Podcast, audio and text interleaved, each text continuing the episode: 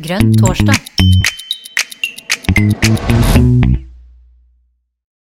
Velkommen til Grønn torsdag. I dag er jeg, Jon Lurås og Anders Mastrander i redaksjonen. Og vi har lest eh, på nettet, eh, Anders, at eh, helseministeren mener at vi har altfor lite penger i helsevesenet og altfor få folk. Så nå må vi håper å si, finne Noen av de sykdommene vi har, de må vi egentlig slutte å behandle, eller i hvert fall færre. Det blir, uh, vi er jo ganske gamle, så vi har jo grunn til å være litt bekymra framover nå, Anders. Ja, nå tok du nesten orda ut av munnen på meg. Jeg, jeg blir jo litt sånn eh, litt eh, kribling i magen her. Og så får jeg noe hjelp, eller får jeg ikke hjelp? Og, Ja. og så ligger mye hos kommunene og, og på sykehjem og alt sånt. og Så det er, det er mye å ta tak i her sånn. Mm. Men vi har fått eh, besøk av Kristoffer Robin Haug, som er helsepolitisk eh, talsperson i Miljøpartiet De Grønne. Og Kristoffer, eh, har du svar på dette, eller hva tenker du om den vir virkelighetsbeskrivelsen til Ingvild Kjerkol? Den Kjenner du igjen den? Ja, jeg mener at her finnes det mange gode, mange gode svar. Og ikke minst så mener jeg at det er grunn til å stille store spørsmålstegn til den historien som, som Kjerkol kommer ut med. Eh, og det er eh, eh, Det vi ser i dag, mener jeg er eh, tegnet på at dagens grå helsevesen begynner da å få sprekker også i den ytterste emaljen hvor man har forsøkt å holde, holde maska frem til nå. Og nå begynner konsekvensene av alle de feilvurderingene man har gjort i flere tiår i helsevesenet, eh, å gi seg uttrykk i problemer som er så store at man ikke kan håndtere de lenger. Så forsøker eh, Kjerkol da å skal man være forsiktig med å legge intensjoner til andre, men det som blir resultatet, er at den diskusjonen som trekkes opp nå, med hva skal vi prioritere akkurat i dag, eh, distraherer oss fra hovedproblemet. Det er som å sitte i en båt som er lekk og ikke sjødyktig, og diskutere hvem av oss som skal få lov til å drukne sist, fremfor å diskutere skal vi flytte oss over i en annen båt. Eh, burde vi tatt de strukturelle grepene som får oss over i et grønt helsevesen, vekk fra det grå helsevesenet vi har Nå snakker du mye bilder, eh, Robin. Altså grå og grønn, hva, hva, hva mener du nå? Ja, jeg, mener at den viktigste skillelinjen i all norsk politikk eh, ikke lenger går mellom rødt og blått, men mellom grønt og grått. Og det ser vi særlig i helsevesenet. Eh, hvor det da eh, av vår kjære Jens Stoltenberg på eh, slutten av 90-tallet ble innført da en grå tankegang i det norske helsevesenet, som ble videreført av regjeringen eh, Solberg, og som da igjen da videreføres nå under Kjerkols regime. Eh, og skillet her går mellom den grå tankegangen, som er da maskinell tankegang, effektiviseringstankegang. Man har mange interessante navn på hele dette systemet som man da forholder seg til i den grå helsepolitikken.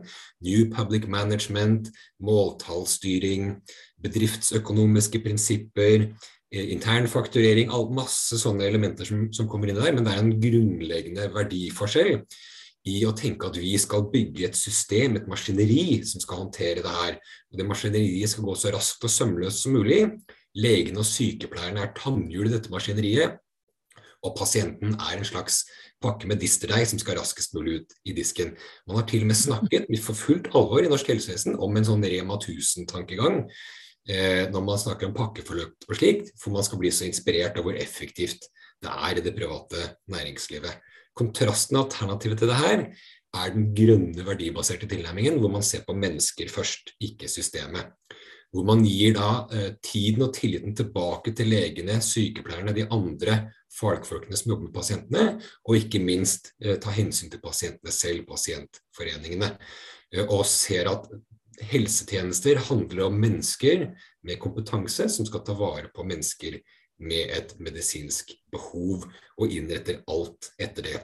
Det er ikke tilfeldig at vi nå ser nedleggelsen av ABC-klinikken på Ullevål sykehus, fordi i den grå retorikken så må man se da oi, nå er det dårlig med cash, da må vi effektivisere alle de mest sånn utstikkende eh, og forskjellige elementene vi har, og fokusere mer og mer på såkalt kjernevirksomhet, som da blir de veldig sånn strømlinjeforma tjenestene, mens den, grå, mens den grønne helsepolitikken da vil se at dette her er et tilbud som tar vare på mennesker. Det at man bruker litt mer ressurser i en sånn ABC-tilnærming eh, til fødslene, gjør at man kan spare massevis av ressurser.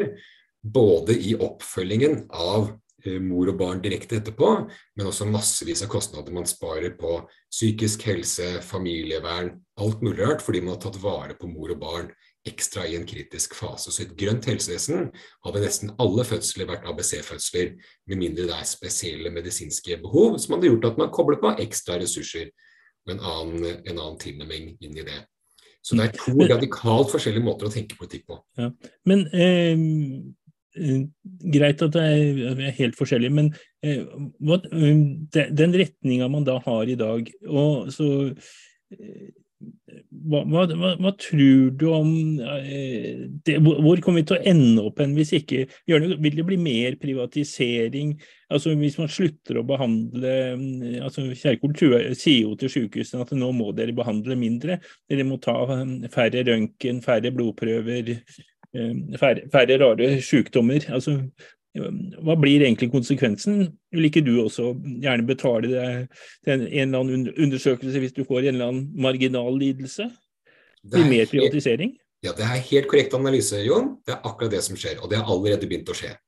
Eh, nå har jo eh, Solberg-regjeringen hatt noe ønsket privatisering, så de har jo av sine ideologiske årsaker da, gått i en litt blåere retning. Men mye av den privatiseringen som har skjedd de siste årene, har vært en slags ubevisst privatisering. Dvs. Si at den offentlige tjenesten har blitt så lite velfungerende for så mange at man er nødt til å oppsøke det private for å få ting til å gå rundt, og den vil bare forsterke seg og forsterke seg. Jeg mener at Kjerkol har helt feil medisin i den situasjonen som vi står oppe i nå. Vi da merker at systemet begynner å knake i sammenføyningene fordi det er et lite velfungerende system. Det skal fungere i teorien, som en sånn maskin, men det fungerer ikke i praksis. Og det ser vi nå, at da begynner alle de skjulte ineffektivitetene i systemet å gjøre at vi får rett og slett mangel på ressurser for å løse de oppgavene, fordi systemet sløser bort disse ressursene i internfakturering og massevis av andre sånne usynlige, usynlige tap rundt omkring i systemet. Eh, og da er den eneste løsningen med de grå brillene på, er at da må vi ta effektiviseringskutt. Det gjør at de grepene som Kjerkol gjør i år, gjør at vi kommer til å bli sykere fordi vi får da dårligere helsetjenester. Så vi blir da enda sykere til neste år, som gjør at vi vil stå i en enda større gap mellom ressursene som kreves og ressursene som er tilgjengelige. Og innenfor den samme grå lyken så må vi gjøre enda større ostehøvelkutt år etter år etter år. Så dette vil da bli starten på en sakte, men sikkert, helt ubevisst og på et vis uønsket, men innbakt i den grå modellen, nedskjæring av det offentlige helsevesenet og den eneste løsningen på det for de pasientene som har ressursene til det, vil være å oppsøke det private helsevesenet. Så det her blir en ubevisst privatisering av mange helsetjenester. Og en, absolutt et startskudd for en uønsket todeling av norsk helsevesen.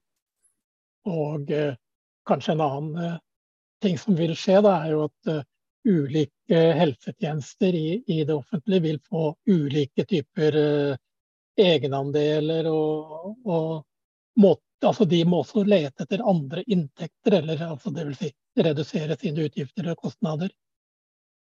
Ja. Det, det, det, blir jo da Nei, altså jo, jeg har kreft, men jeg har ikke råd til behandling-type opplegg.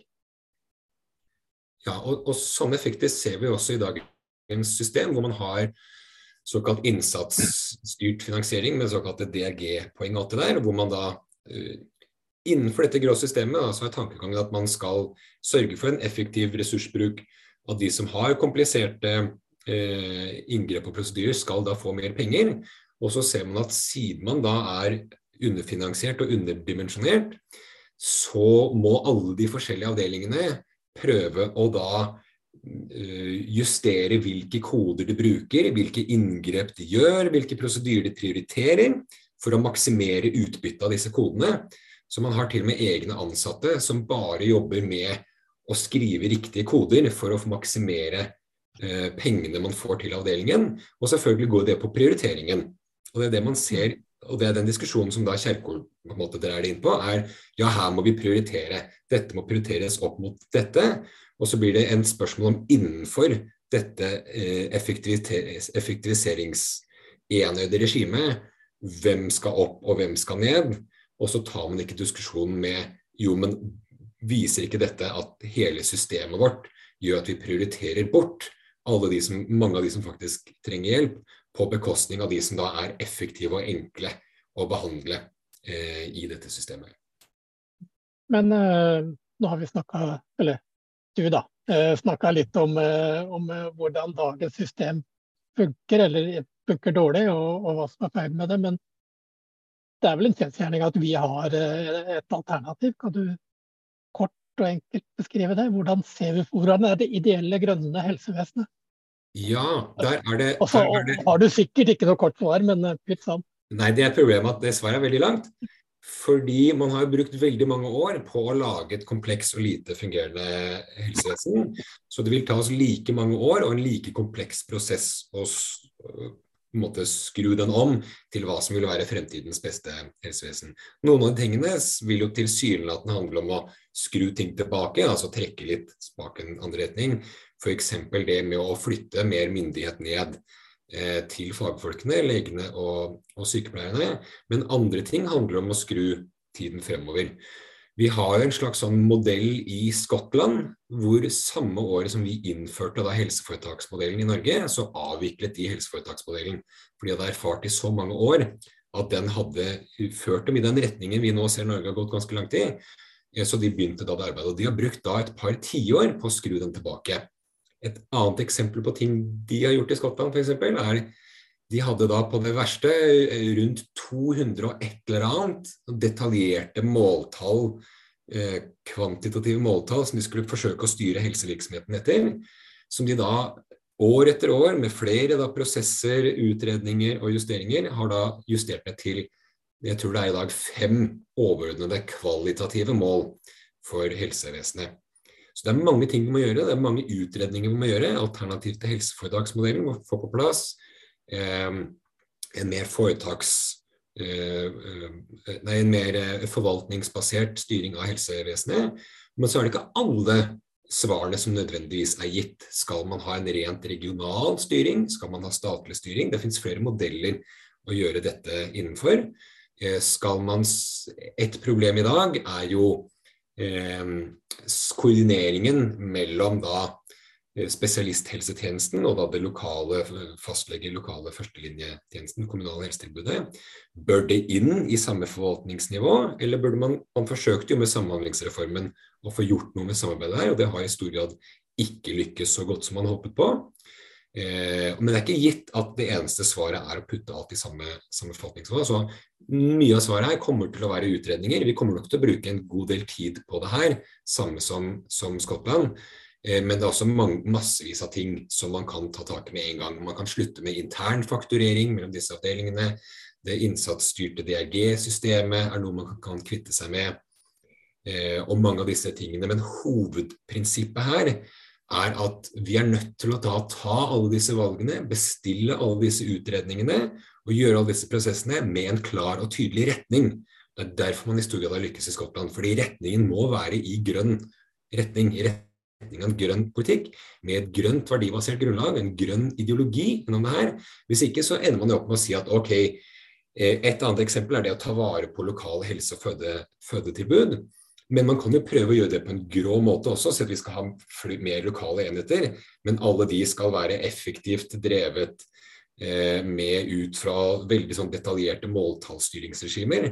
Og det vil kanskje til og med fungere enda dårligere enn den sentraliserte modellen man har på i dag, fordi man bruker et sentralisert rammeverk. Distribuert så har man ikke de samme ressursene osv. Så, videre. så du, veldig mange av de grepene vi er nødt til å gjøre, kan du gjøre på en grå måte, og du kan gjøre på en grønn måte, og den grå måten ikke lykkes er min påstand som grønnhetspolitiker. Mm.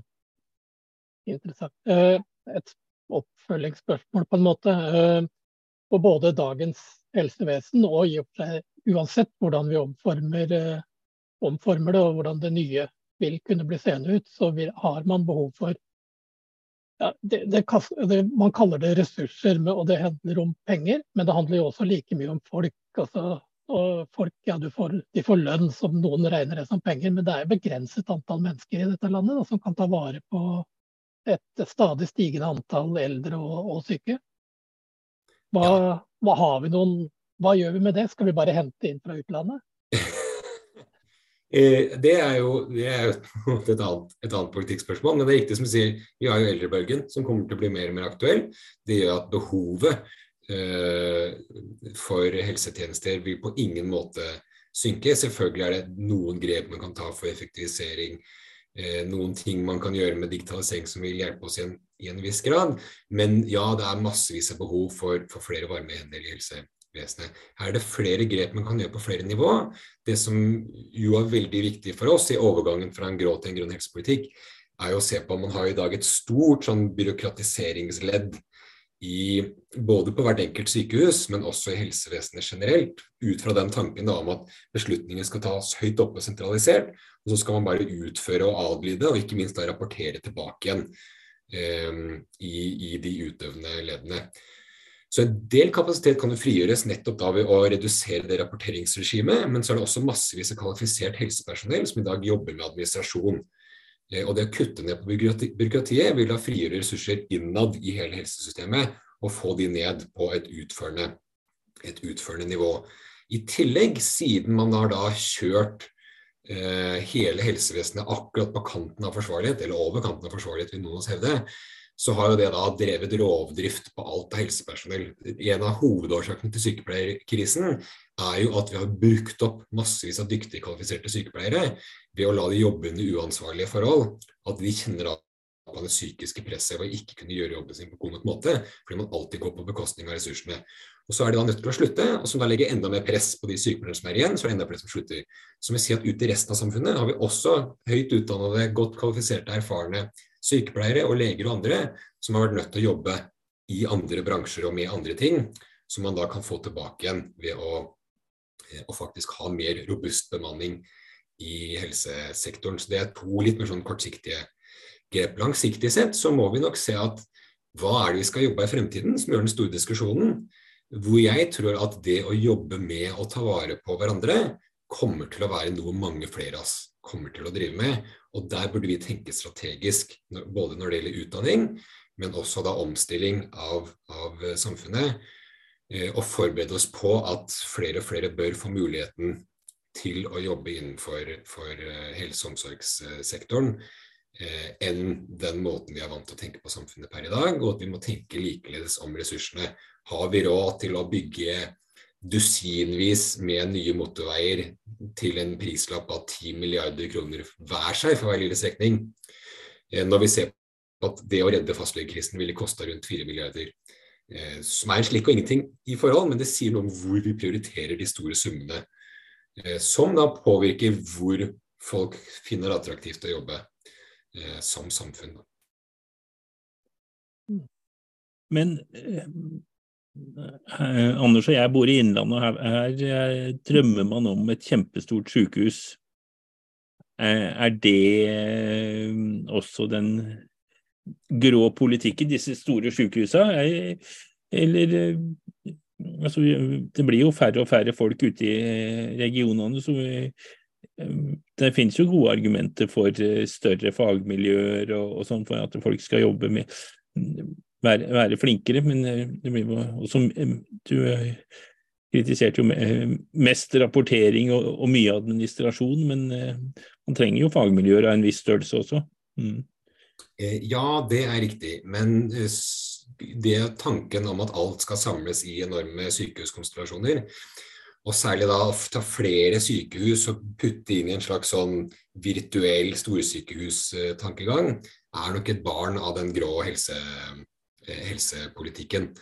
Eh, det er jo det er en veldig god bok som jeg anbefaler, som heter 'Ny helsepolitikk'. Det finnes løsninger eh, som passer veldig godt sammen med grønn, grønn helsepolitikk. Jeg tror det er Heidi Haukelien og Torgeir Brun Wyller som har skrevet den her. og det er et av de punktene som de trekker opp grep som man bør gjøre, er jo da sikre at hvert sykehus er sin egen enhet, og ikke sånne store gigantiske sykehus. Og så er det noe man har funnet i helseøkonomisk forskning, er at i mange bransjer så snakker man om stordriftsfordeler. I sykehussektoren så har du noe som heter stordriftsulemper. Hvis et sykehus blir for stort, så blir det for uoversiktlig. Det blir for lite naturlig organisk kontakt mellom de forskjellige avdelingene og de forskjellige fagmiljøene, som gjør at du da når et, et punkt hvor da selvfølgelig er det noe størrelse på fagmiljøet og sånt, ofte, kan ofte være positivt på forskjellige områder. Men hvis det blir for stort, så begynner du da å sende miste oversikt over hvor pasientene er, du får ikke god nok koordinering om de forskjellige delene av sykehusene som skal jobbe sammen, osv. osv. Som er en av de faglige innvendingene til at f.eks. gigantsykehuset på Gaustad i Oslo er ikke faglig tilrådelig uansett hvilket perspektiv du kommer med, mye mindre er en ren fagøkonom som ser på et regneark at det blir billigere per kvadratmeter Ja, men ikke engang helseøkonomene har noe tro på, på den måten å, å, gjøre det på. Så det å samle alt sammen i store sykehus er en ren ideologisk grå tankegang om at sentralisering er bra, dermed basta. Mens det å ha helsetjenester nær folk, av de typene som egner seg eh, Man har jo snakket om fødetilbud og alle sånne ting. Noen ting er det lettere å ha distribuert osv. Mens f.eks. da kompleks hjernekirurgi er et helt legitimt, utmerket argument og det ønsker du kanskje ikke å ha i hver eneste kommune, fordi da vil du ikke få mulighet til å trene opp nok antall inngrep. Du vil ikke få det kompetansemiljøet og den utvekslingen som du trenger for å virkelig holde deg på høyden innenfor det komplekse fagfeltet. Så alle sånne komplekse medisinske fagfelt, og særlig de som da har færre operasjoner eller prosedyrer per pasientgrunnlag, må man da i større grad sentralisere og samle, mens de tingene som det er godt tilgang på av, av behov, eh, også ute i, i distriktene og blant, blant, mennesker, det er det bedre å ha distribuert ut. Så her er det mulig å ha to tanker i hodet på en gang. Eh, mens det å først og fremst tenke sentralisering er grått, og det å først og fremst sikre et godt tilbud nær der folk er, er en grønnere tankegang. Men eh, det er, er jo, det, for meg så høres det ut som le, legene mener det, at det er en fordel med disse store, og at sykepleierne mener det. Er det sånn at du er den eneste som mener det? Du holdt opp ei bok her i stad, så da er det tre stykker, da? eh, nei, det er, det er, helt, avhengig av, helt avhengig av hvem du, hvem du spør, og det er også avhengig av hvordan du rammer inn dette spørsmålet hvis du spør en lege i dagens pressede økonomiske situasjon, hvor vi er nødt til å kutte ned på et eller annet, ser du fordeler ved å da ha en mer sentralisert, eh, sentralisert enhet, så vil jo fort en lege da svare ja, da jeg får jo ikke til å drive det forsvarlig med den bemanningen som vi har i dag, så da må vi kanskje ta det mer, mer sentralisert. Og som sagt så er det enkelte oppgaver eh, som krever da, at du samler fagmiljøene mer enn andre, men det er ikke svar på absolutt eh, på absolutt eh, alle ting. Uh, og et av hoved, hovedbeina som grønn helsepolitikk hviler på, er nettopp da å lytte mer til helsefagfolkene, altså da mener jeg leger, sykepleiere osv., enn å lytte til økonomene. Eh, og da er det oftere at de som jobber tett på pasienten, ser behovet. Eh, og for så vidt også pasientforeningene, da, eh, ser behovet for å være nær der, være nær der pasienten er. Men selvfølgelig vil det alltid være noen sånne uh, profesjonskamper vi må alltid ha, og noen hensyn som holdes, holdes opp mot uh, hverandre. Så fra et rent sånn faglig perspektiv vil jo enhver lege si at uh, så stort og samla fagmiljø som mulig gjør jo det lettere i seg selv. Og så vil du ha noen rekrutteringsutfordringer f.eks. Som man da er nødt til å finne gode måter å løse på, enten gjennom stimuli når det gjelder lønn, gjennom forskjellige turnusordninger, Eh, og også da gjennom rotasjon og mulighet for utveksling mellom kanskje mer desentraliserte enheter, eh, som kan ha utveksling og kontakt og bygge fagmiljøer sammen med de litt større sykehusene som hører til i deres region, som da vil kunne gjøre det attraktivt og også da faglig oppdatert. Selv å jobbe på et i utgangspunktet lite sykehus deler av tiden, men å da jobbe uh, i større fagmiljøer andre deler av tiden. Så her finnes det mange forskjellige modeller for å håndtere det, uten at det eneste svaret skal være at vi må bare legge ned alt av det lokale helsetilbudet over land og strand og samle det i en håndfull gigantsykehus utvalgte steder i landet. Eh, en annen ting som jeg har vært innom, eller som da Kjerkol var innom, var jo overbehandling. Eh, er det i den modellen som da du, du skisserer, er det noen grenser for hva vi vil, eller vi, altså storsamfunnet, vil, vil behandle? Eller for nå, nå er jo, teknologien går jo ekstremt langt nå. det er en nå bytter vi snart ut huene på folk, ikke sant?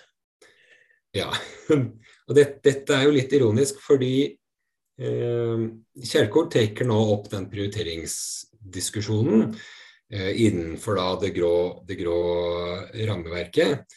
Eh, mens i utgangspunktet så er det jo vi som tenker mer grønn helsepolitikk, som har vært mer opptatt av å prioritere. Eh, hvor det i den grå helsepolitikken har man sett på at eh, man skal alltid få mer helse for hver krone. Dette maskineriet skal gå raskere og raskere, og flere og flere skal få mer og mer avansert behandling. Så er det ofte vi som har sagt stopp, hold an. Når man da er innenfor dette veldig sånn mm, teknologi-maskinorienterte tankegangen, har å sett på oi, her kan vi få inn en ny maskin for, eh, for noen veldig avanserte eh, inngrep som har da 0,001% bedre prognose på pasientene med denne nye eh, høyteknologiske behandlingen. Eh, som man da av og til velger å, å prioritere å bruke penger på. Og så har man ikke regna inn at det krever jo da at man må da først videreutdanne og omskolere de som jobber med dagens eh, løsninger, over til den nye løsningen. Så de tas da ut av helsevesenet og kan ikke behandle folk på en god stund. Pluss at man da bruker utrolig mye ressurser på eh, enkeltinngrep som har da en, en marginalforbedring av noen pasientgrupper, istedenfor å ta da en reell prioriteringsdiskusjon og si at eh, skal vi bare stadig hige etter disse nye hver eneste nye medisin, hver eneste nye teknologi, hver eneste nye inngrep, eh, på bekostning av ting som kronisk sykdom, eh, bekostning av ting som psykisk helse, og ting som krever en mye mer sånn eh, lavteknologisk i utgangspunktet tilnærming, eh, men som man da ikke har ressurser til fordi man har ikke prioritert det på bekostning av en del andre ting. Og vi, En annen tese da for grønn helsepolitikk er at det er viktigere eh, med mer liv til dagene enn flere dager til livet. Så det er ikke nødvendigvis noe mål Eh, for oss å på død og liv holde folk et par dager ekstra i live i dag. På død og liv, ja. ja. Hun halfway intended, som man sier på godt norsk.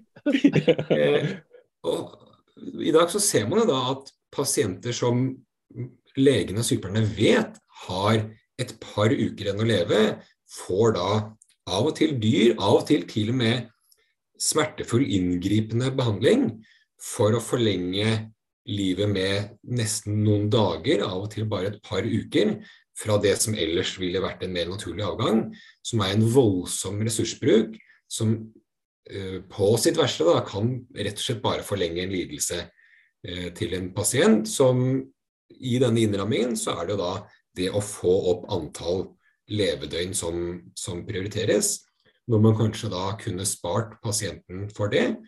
Eh, og ikke minst da også da spart tilsvarende ressurser eh, i helsevesenet som kunne vært brukt til å gi, eh, prioritere da, andre behandlinger, andre prosedyrer som kunne hatt en annen effekt på livskvaliteten til noen. Mens i dag er vi så opptatt av, fordi det er noen måltall vi har, på å forlenge livet til absolutt alle, uansett hvilken livsfase man er i. Um, hvor vi da i, i Det Grønne ikke er like redde for å faktisk gjøre noen prioriteringer på det der. Uh, så vi er klare for å, å, å, diskutere prioriteringer, vi. Men så ser vi at nå brukes det som et argument for å flytte diskusjonen eh, fra de feilene i helsevesenet som tvinger oss inn eh, i å, å, prioritere bort ting man ikke hadde trengt å prioritere bort hvis man hadde hatt et mer velfungerende helsevesen. Mm. Jeg har lyst til å ta en annen uh, vri her. Uh, NRK har et, hatt et par sånne Brennpunkt-sendinger. De har jo i all hovedsak dreid seg om da, det kommunale systemet, hjemmetjeneste, sykehjem og den type ting. og ja, det har ikke vært veldig pent å se på alt det vi har sett der, men og jeg, ref det du sa tidlig her om New Public Management og, og litt sånt. Og det var vel en av disse kommunene hvor det ble svart at ja, men nå har vi ansatt noen flere ledere, så nå blir det nok bra. Eh, jeg holdt jo på dette stolen, og det samme gjorde ja, resten av husholdningen her. Sånn.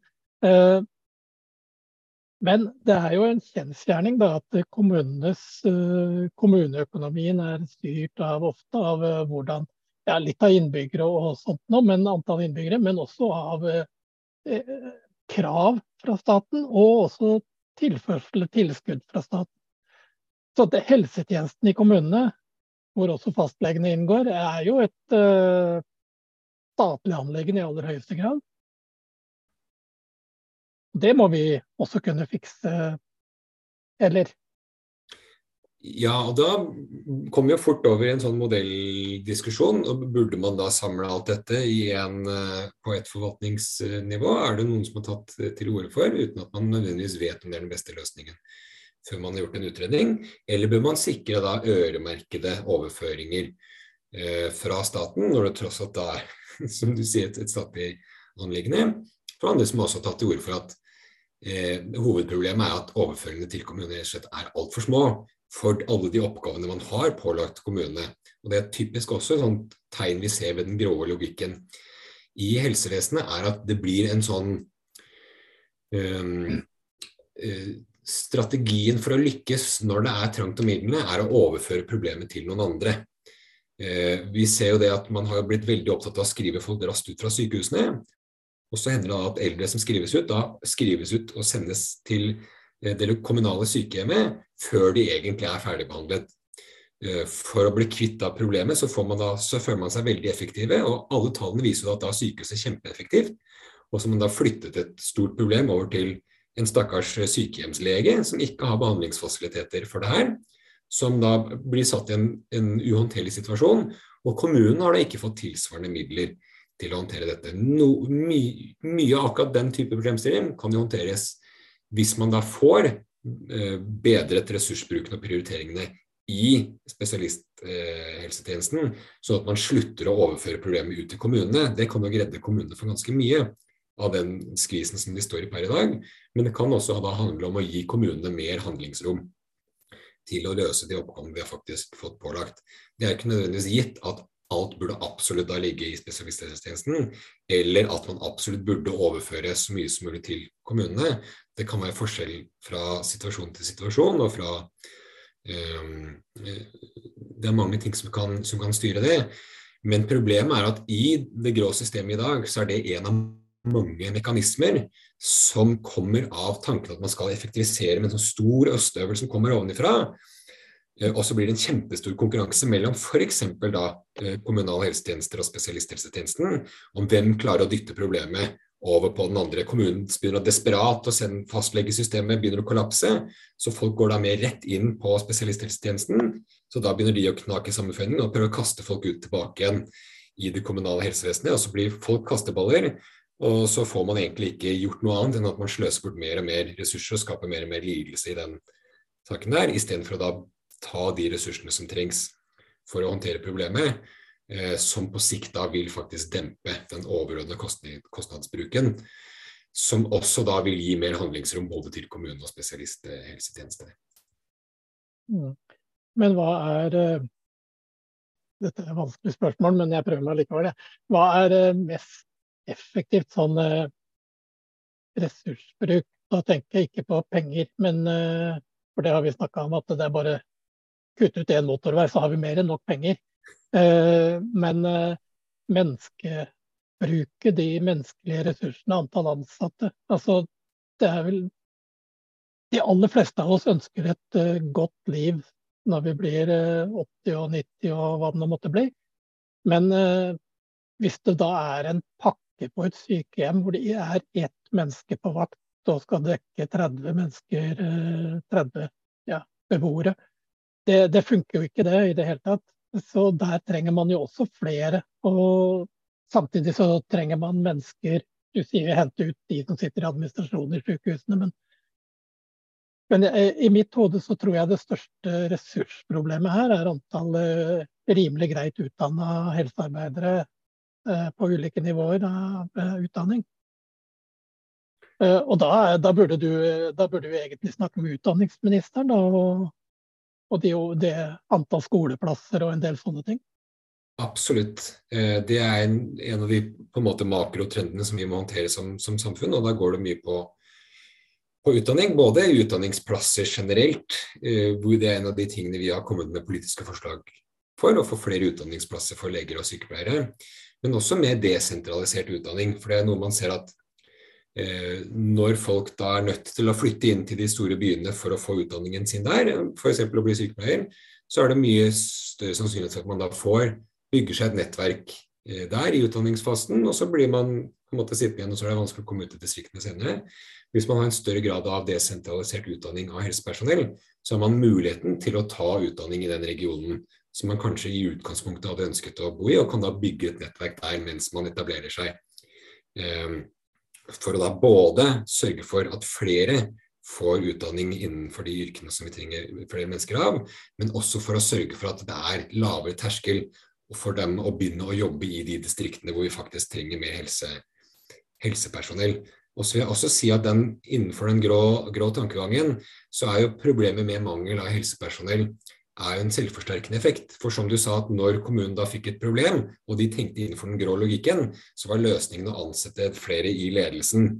Eh, fordi man når, man når man er så opphengt i at det er systemet som skal løse alt, så hver gang det er et problem, så må du få inn flere folk til å jobbe med systemet. Det kommer av at man tenker i utgangspunktet grått. Hvis man tenker grønt, at det handler om mennesker, så vil man si at hvis vi har et problem, så må vi få inn flere hender, flere mennesker der hvor de kan gjøre arbeidet eh, der ute. Hvis, I dag så er det sånn at hvis du har en avdeling som mangler 20% sykepleierkapasitet, så lyser man da ut en 20% sykepleierstilling. Fordi man tenker at alt skal da være helt perfekt optimalisert. Sånn sparer vi mest mulig penger, sånn får vi mest mulig helse for hver krone. Og det varer da i tre sekunder til noen får en eller annen sykdom på den avdelingen.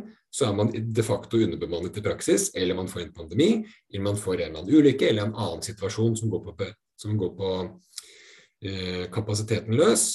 Og det fører til overbelastning av alle de andre sykepleierne på den avdelingen, som gjør at flere og flere da blir utbrent og er nødt til å slutte, som da forverrer problemet. Istedenfor å si at nå mangler vi 20% sykepleierkapasitet, da ansetter vi en ny sykepleier i en hel og fast stilling, så at vedkommende slipper å da måtte bygge sammen 20% her, 30 der, 20 nye prosent fra et annet sykehus og få dette til å gå rundt på privaten. Så får man da en helt trygg stilling, sånn at den avdelingen har litt å gå på. Sånn at i en faktisk hverdag, slik virkeligheten er, ikke slik den ser ut i et regneark, så vil det stadig vekk være grunner til at ikke alle kan være 100 av avdelingen. Og du trenger de 80 som tilsynelatende så overflødige ut i den grå logikken. Det er et mer robust helsevesen, et mer robust samfunn, og det er noe av det grønn politikk handler om, er å skape et samfunn som er robust til å møte fremtidens utfordringer. Avdelinger som skal få litt mer å gå på, eh, det er jo ikke noe jeg noen gang har hørt noe om at noe som helst, verken i det private eller eh, kommunale eller statlige, eh, har gjort. Altså, eh, det, det hører jeg, jeg, skjønner jo logikken, men det, det er en det, det, begrepet passer vel ikke inn i systemet på noen som helst system, måte. Helt riktig. og Det er det som er problemet. fordi Hvis du ser på utviklinga, mm. så vil du si at man har jo kutta disse ostehøvelkuttene år for år for år. Som vil si at Hvis du bare tar en tidsmaskin fem år tilbake i tid, så var det da tilsynelatende overkapasitet sammenlignet med dagens nivå. Mm. Eh, så, man, så, man, har jo da, jo, jo, lenger du går tilbake i tid, jo mer har man nærma seg det prinsippet man faktisk har litt å gå på. Men hvis du reiser tilbake dit, så vil du se at det var ikke sløsing av ressurser eller folk som gikk rundt og ikke hadde noe å gjøre. Alle jobba jo for fullt, men de var i stand til å løse oppgavene på en bedre måte. Mens når man da skal regne seg ned til et teoretisk optimaliseringsnivå, så tror man null, at man er på 100 mens man egentlig er på realistisk underkapasitet. Mm. mm. Man jobber seg ned jo... mot null, gjør man ikke det? ja, vi, altså, I mange år vi faktisk, har vi vært på minussida. Det er poenget mitt. Og det som da ser ut som å gå og være i overskudd, er egentlig å komme nærmere tilbake det som er forsvarlig bemanning. Mm. Da er du tilbake på det som handler om beredskap i veldig mange andre sammenhenger. Ha litt å gå på, som eh, vi ja, brukte som begrep her. Eh, pandemien gjorde jo at vi har fått køer fordi man måtte plutselig ta seg av de som hadde fått korona eller covid. Og, og da Nå har vi da nedprioritert noen år, alle, en del andre, som man nå må begynne å ta av de køene, da, nå som det er litt færre koronapasienter, selv om det er en del der på sykehusene fremdeles. Mm. Ja, og her, her, skal jeg faktisk da tørre å blande meg litt inn i den rød-blå skillelinja også. fordi nå har vi da fått en rød regjering. Og det de insisterer på å gjøre, er, er jo å øh, ideologien bak det er jo å beskytte offentlig helsetjenesten, men så går de da veldig langt i å skyve da de private helsetilbyderne bort fra systemet på veldig, veldig kort varsel. Som vil si at i denne situasjonen hvor vi i utgangspunktet hadde trengt mer kapasitet, og altså grønn helsepolitikk, vi vil jo ha det offentlige som et sterkt offentlig helsevesen som ryggraden i helsevesenet, men at ideelle og private aktører kan være et supplement til dette. Akkurat nå, når vi faktisk da trenger den ekstra kapasiteten på sitt meste, da skyves den bort av, av Kjerkol. Så det å være veldig sånn ideologisk fastlåst på den høyre-venstre-aksen, er jo ikke alltid spesielt formålstjenlig i den akutte situasjonen vi er i. Eh, på sikt er det en del opprydninger som absolutt kan tas der. Det er en del ting som har vært privatisert ut som ikke har vært lurt, og det er måter det har gått på bekostning av den offentlige helsevesenet på, som man absolutt burde jobbe med å justere tilbake. Det er helt riktig. Men det å bare slå hånden av hele den eh, alle de fagfolkene som faktisk da er en betydelig kapasitet i den veldig vanskelige situasjonen vi står i nå, virker for meg som å være ekstremt dårlig krisehåndtering. Eh, og det må jeg jo si er min sånn hoveddom over de grepene Kjerkol gjør nå, er det er kroneksempler på dårlig krisehåndtering. I en krise så er det to ting du bør gjøre. Du må én ta kontroll på situasjonen. Og to, med det rommet du har skapt deg ved å få kontroll på situasjonen, må du da gjøre de endringene som trengs for å få situasjonen bærekraftig på kontroll over sikt. Det vil si at Hadde Kjerkol fulgt det, så hadde vi da brukt mer helsepenger på dette budsjettet her for å avverge fastlegekrisen, for å sikre oss mot den sykepleiermangelen og for å håndtere de utfordringene vi står overfor. Men samtidig bruke det handlingsrommet man skaper seg da ved å ha et par år med høyere helsebudsjetter på å gjøre strukturelle endringer, som jeg da vil hevde burde være fra grå til grønn helsepolitikk, for å komme seg ut av alle de fallgruvene som gjør at vi i dag får en dårligere og dårligere effektivitet i helsevesenet. Istedenfor så går Kjerkol rett over på kuttene fra dag én, slik at ingen får noen mulighet til å omstille seg til å ha en mer bærekraftig drift på sikt. De må ha dagens dårlige styringsmodell de må ha dagens ineffektive drift, og så må de bare kutte i den, som bare gjør vondt verre. Det er, det er eh, ja, Du skal lete lenge etter et eksempel på mindre hensiktsmessig krisehåndtering, vil jeg påstå. Mm. Men er eh, da Miljøpartiet De Grønne alene om disse standpunktene, eller er det noen av de andre politiske partiene som også da har, eh, deler denne virkelighetsoppfatningen? Ideologisk sett så er det egentlig kun Arbeiderpartiet og Høyre som står for den grå tenkningen i helsepolitikken. Jeg har gått i fakkeltog sammen med Bjørnar Moxnes og Carl I. Hagen, helt fra Rødt til Fremskrittspartiet, for en del grønne prinsipper. Senterpartiet har tradisjonelt vært veldig gode på det her. KrF kan du snakke med om det her. Venstre, SV, Rødt, eh, Fremskrittspartiet. Og jeg vil hevde at pasientfokus, selv om de riktignok har blitt valgt inn av en helt sånn spesifikk sykehusplasseringssak, som er helt på siden av på en måte en del sånn ideologi, tenker jo også i utgangspunktet veldig grønt i helsepolitikken. Så i prinsippet har vi muligheter for en bred eh, allianse rundt grønn helsepolitikk på Stortinget, men pga. den blokktenkningen så kan da Høyre og Arbeiderpartiet spille splitt og hersk med alle andre enn oss, eh, og holde de da fast i avtaler for å sikre den, den grå helsepolitikken i praksis. Hvis du leser Hurdalsplattformen, så ser det i Hurdalsplattformen til regjeringen ut som Senterpartiet har fått gjennomslag for grønn helsepolitikk. Les Hurdalsplattformen, helsekapitlet der, så står det masse flott grønn helsepolitikk. Men se på da Kjerkol, som er fra Arbeiderpartiet, sitt virke som helseminister, så ser du en helt annen politikk i praksis. Så her har vi, her har vi potensielt masse allierte i politikken, men de to store sperrer veien og styrer også diskusjonen og hegemoniet på helsepolitikken, Arbeiderpartiet og Høyre. Men um, jeg regner med det at du har tenkt uh, og grubla til langt på natt på hvordan skal du kunne komme, eller da komme, få litt styring på medieoppmerksomhet knytta til det her? Er det noe du vil de dele med oss her, eller er det sånn at dette er strategisk tanking? Eh, må, må, vi klippe nå? Dette er et åpent forum. Det er begrensa hvilke sånne tiltak man skal, man skal ut med. Men eh, det er et par, par utfordringer. Eh, jeg snakker meg jo hes med helsejournalister for tiden.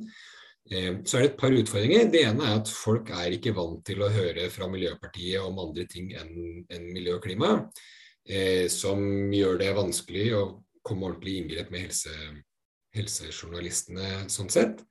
Eh, men det andre er at den grå ideologien har styrt helsevesenet og retorikken og diskusjonen rundt det så lenge at det er derfor journalistene nå skriver om denne prioriteringsdiskusjonen, og ikke de debattene som vi forsøker å løfte med de bakenforliggende tingene. Det er et par andre utfordringer også. det er at Når du kommer ned på sånn hvilke enkelttiltak er det som må gjøres, så er det ene er utredninger. Det er det vanskelig å få veldig sexy overskrifter om. Det andre er sånn reversering av innsatsstyrt finansiering, DG-poeng. Eh, avvikle internfakturering. Ingen av de høres ut som noe sånn derre eh, superspennende ting for en journalist, selv om det er kjempeviktig for helsevesenet. Og det tredje er at Eh, det som jo er den virkelige utfordringen, er jo hvilket verdisett er det man styrer helsetjenesten etter. Og der er det jo den grå ideologien som eh, er hegemonisk i samfunnet vårt i dag, på alle områder. Det er jo derfor vi har et samfunn som handler om stress og jag og prestasjon og forbruk og alt det der. Så det er vanskelig å få en journalist til å skjønne at dette egentlig handler om en annen måte å se verden på og tenke politikk om enn alt det de er vant til at politikk dreier seg om. Eh, så det er et ganske langt lerret å bleke. Det er det. Eh, så det styrer litt av de tingene vi forsøker å jobbe på, da. Eh, og som sier litt om hvorfor det er litt vanskelig å bryte gjennom lydmuren på en veldig sånn enkel, lettfattelig måte. På kort sikt. Mm. Men det var jo da noen som også da var nevnt her tidligere, noen eh, Jeg vet ikke om jeg skal bruke begrepet interessante eksempler på, fra, på, på NRK, på et program der som da går ikke an å bruke Det er jo systemutfordringer. At det er, det er for lite ressurser i den delen på en eller annen slags måte og en skjevfordeling, og så bruker man da man, Nei, vi bygger denne motorveien isteden. Mm. det er vel no, no, noen åpninger der til å få folk til å tenke litt annerledes? Absolutt. Og det er det jeg mener vi bør jobbe med, er både da de konkrete eksemplene som viser hvorfor det er viktig å tenke en ny retning, men i tillegg da prøve å bygge forståelsen for at det er andre måter å tenke politikk på på sikt. Men på sånn helt kort sikt så er jo nå utfordringen at for hvert enkelt eksempel eh, så er det veldig lett for en journalist å bare grave fram en eller annen den samme Rødt-politikeren eller Frp-politikeren de alltid har gravd fram, som kan si dette er en skam, mer penger burde gått til disse menneskene, liksom. Som kan svare veldig tabloid innenfor den gjeldende forståelsen. Og vi burde bare prioritert opp den gruppen, eller vi burde bare prioritert opp den gruppen uten å gå liksom, de tunge tankene innom, innom, systemet. Så der har vi litt jobb å gjøre med på en måte media og arbeidsmetodikken der. Eh, men jeg tror det er en kombinasjon av eh, arbeid over tid og hardt arbeid. Og det å prøve å finne kreative forskjellige innganger på det, da, som, som kan hjelpe oss der etter hvert. Eh, mm. Pluss at det jeg mener at noen av de krisene vi går inn i denne våren her, og det her er ikke den siste, det kommer, flere, kommer flere eksempler jeg er helt sikker på, Eh, eh, siden det tross alt Det er nesten litt som i klimakrisen. Siden vi og det høres jo veldig selvforhergende selvforherligende ut, da. Siden vi tross alt har rett, så, så er ikke dette problemer som kommer til å gå bort. Og da vil det bli mer og mer åpenbart at det er strukturelle utfordringer, ikke bare enkeltklatting eller å kaste mer penger til én spesifikk pasientgruppe som er løsningen, selv om det ser sånn ut hver gang en journalist skal ha et kjapt sitat fra en politiker mm. eh, som de allerede har god kontakt med fra før på helsefeltet. da. Mm. Eh, så det vil dukke opp flere muligheter, og vi kan bruke de til å bygge da større og større forståelse. Eh, både hos media, men forhåpentligvis da gjennom media ut til folk. Og kanskje gjerne ut til folk direkte også, som vi gjør lite grann. Eh, for at det er helt andre ting å ta tak i helsevesenet, men også da at et annet helsevesen er mulig. Man har gjort lignende ting i Skottland, som, da, som du gjerne kan sammenligne med hvordan det fungerer i England. Som er et slags sånn flott eksempel på hvordan du har et grønt land som Skottland og et grått land som England når det gjelder helsepolitikken, og hvor stort forskjell det er både på å leve med og jobbe i helsevesenet i England og Skottland. Så det er konkrete ting å ta tak i. Eh, så det er mulighet for å bygge forståelse for det her på sikt. Mm. Så slagordet ditt er å gi helseforetaka på båten, er det det det heter? ja, det vil jo være ett av de mange grepene som vi er nødt til å gjøre. Mm. Ja, Anders. Eh, ja. Er du blitt litt mer opplyst? Jeg har uh, blitt såpass opplyst at uh, ja, noe av dette har vi jo snakka om før òg, men uh, jeg har lyst til å ønske Kristoffer Robin lykke til når han skal ut og prate med journalister. Og så har jeg lyst til å legge til at du, du er vel ikke den eneste som har, får anledning til å prate med journalister, så i den grad jeg treffer noen sånne, så skal jeg nok legge inn noen drypp, jeg også. Mm. Og, og, det gjør sikkert Jo nå. Og alle de andre som ser på, uh, som nå er blitt inspirert, de uh, får gjerne lov til å legge inn sine drypp, de også.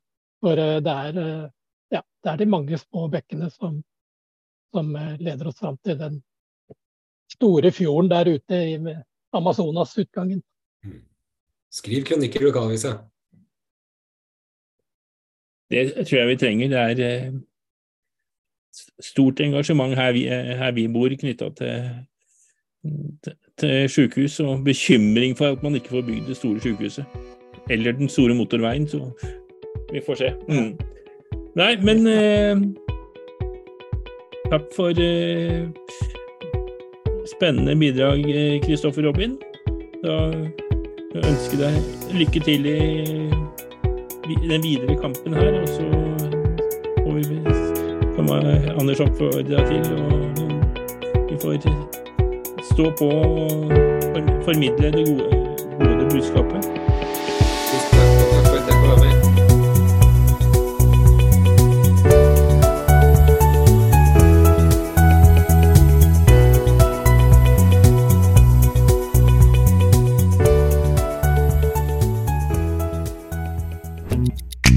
Torsdag.